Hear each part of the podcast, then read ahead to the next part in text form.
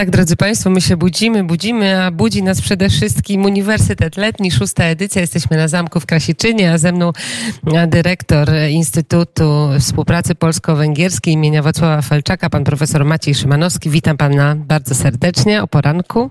Dzień dobry panie redaktor, dziękuję za przyjęcie zaproszenia. Dziękuję za zaproszenie, witam wszystkich państwa. Witamy bardzo serdecznie. No i jak emocje podczas tej szóstej edycji? No wygląd... Po pierwsze, emocje są fantastyczne, ponieważ e, wczoraj e, dzięki tańcowi, zdaje się, udało nam się sprowadzić deszcz.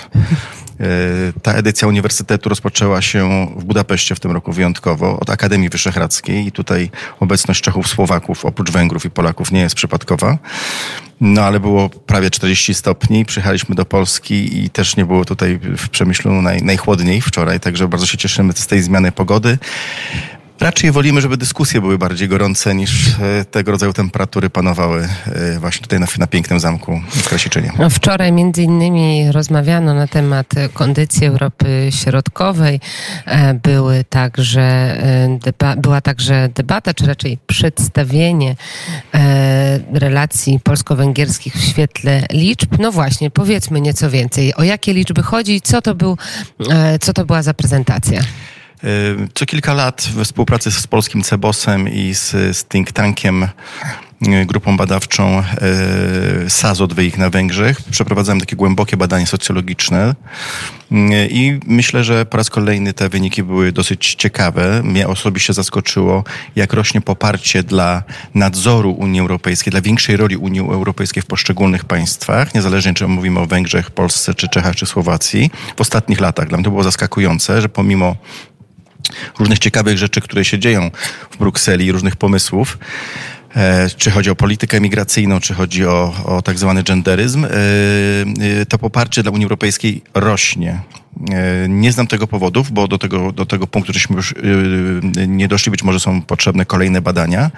Natomiast z takich czysto polsko-węgierskich badań wynikało to, że o ile Węgrzy w, w ostatnim czasie nie, nie zmienili swojego poparcia i sympatii e, do Polaków, o, ty, o tyle widać, że brak tutaj zaangażowania wojskowego Węgier po stronie, po stronie Ukrainy spowodowały jednak spadek, spadek poparcia Polaków. Także są Węgrzy mniej popularni niż Czesi i Słowacy, chociaż na takim poziomie e, pytań dotyczących kogo byś chciał mieć za sąsiada, czy widzisz tak, dla swojej córki, syna, męża z Węgier, tutaj, tutaj zmian nie ma.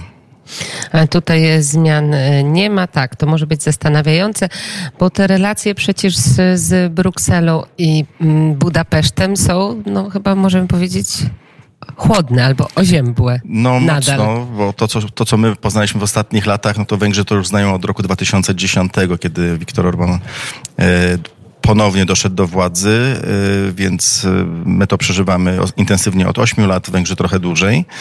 No i jak widać chociażby po ostatnim szczycie, y, który był poświęcony w Brukseli, przede wszystkim właśnie tym, tym tej zgodzie na, na kwoty przymusowe.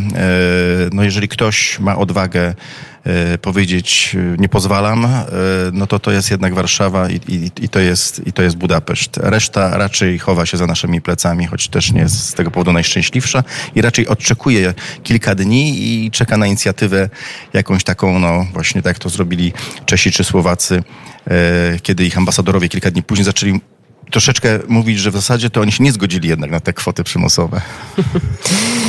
To możemy z przymrużeniem oka spojrzeć na to, ale panie profesorze, jak pan ocenia te relacje pomiędzy Budapesztem a Warszawą po 24 lutego? Już mamy jednak długi e, okres, minęło prawie możemy powiedzieć półtora roku od tamtych wydarzeń.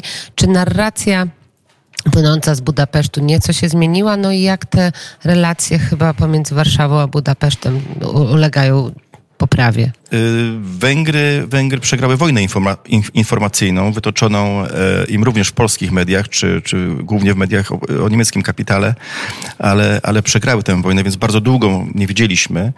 Myślę, że nawet na poziomie decyzyjnym polskiego państwa, jak wielka jest skala pomocy Węgier dla, dla uchodźców e, na Węgrzech, że w węgierskich szpitalach leżą także dzisiaj i to, i to w niemałej liczbie żołnierze ukraińscy, którzy, którzy, i, i którzy już tam trafiali w 2014-2015 roku. i e, tylko jakby skupiliśmy swoją uwagę na tym, e, że, że przez swoją granicę Węgry nie chcą przepuszczać e, dostaw broni e, przez, przez ukraińsko-węgierską e, granicę. Myślę, że jest trochę lepsze już zrozumienie racji obu stron, dlaczego tak się dzieje. I wydaje mi się, że nastał już czas e, na taką polsko-węgierską inicjatywę, na pewno jeśli chodzi o reanimację Grupy Wyszehradzkiej i sze- szerzej Trójmorza, bo znowu y, najczęściej to tak wygląda, że tej bez silnej inicjatywy i współpracy Budapesztu z Warszawą y, pozostałe państwa e, raczej się oglądają na, na, na jeszcze silniejszych, e, a wiemy na przykład, że no Niemcy nie są wielkim zwolennikiem współpracy wyszehradzkiej i w ogóle każdej innej w Europie Środkowej, której one e, jako państwo nie patronują. E, Wiemy także o e, wielkim, żeby nie powiedzieć gigantycznym uzależnieniu energetycznym Węgier od Rosji. Informacja z e, godzin dzisiejszych porannych, nie wiem czy pan profesor miał już mo- możliwość zapoznać się z nią. Węgry zbudują połączenie gazowe ze Słowenią.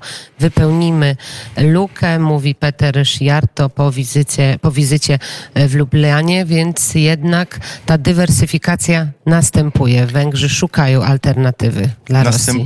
Na poziomie przede wszystkim kontraktów, które są podpisywane chociażby z Katarem w ostatnich, w ostatnich miesiącach. Węgry mają ten problem, że nie mają dostępu do morza, tak?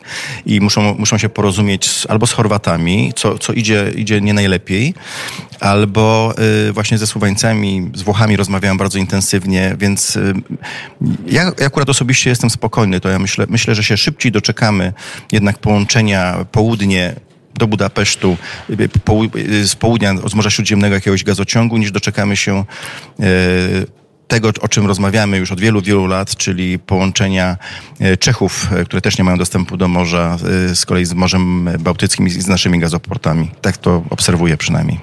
A To tyle, jeżeli chodzi o te sprawy związane stricte z Węgrami i z e, ich e, polityką wewnętrzną, międzynarodową.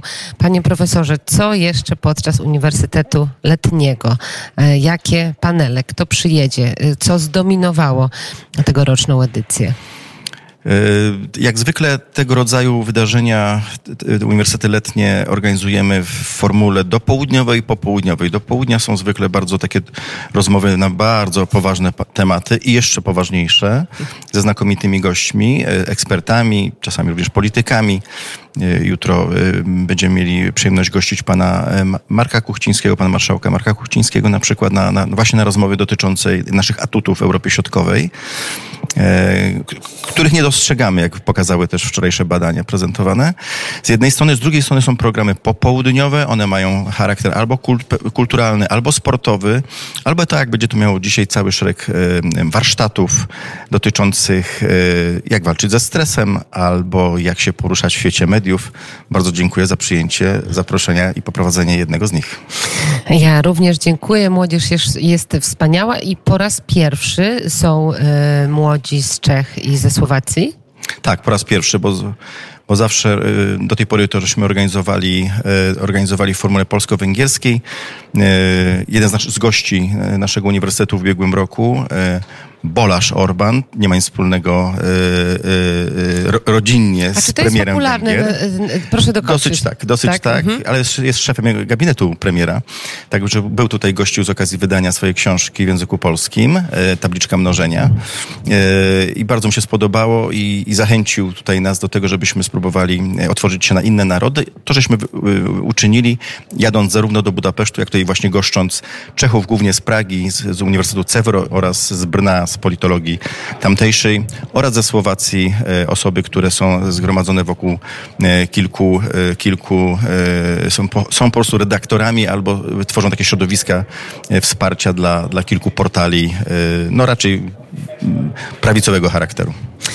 Bardzo dziękuję panie profesorze. Pan Maciej Szymanowski, dyrektor Instytutu Współpracy Polsko-Węgierskiej imienia Wacława Felczaka. Bardzo dziękuję za wizytę w studio, no i pięknego uniwersytetu. Bardzo życzę. dziękuję za dobre życzenia i mam nadzieję, że do zobaczenia w przyszłym roku. Do e, zobaczenia też mam nadzieję. Z nami Mieczysław Fok, a za kilka chwil już pociąg do lata.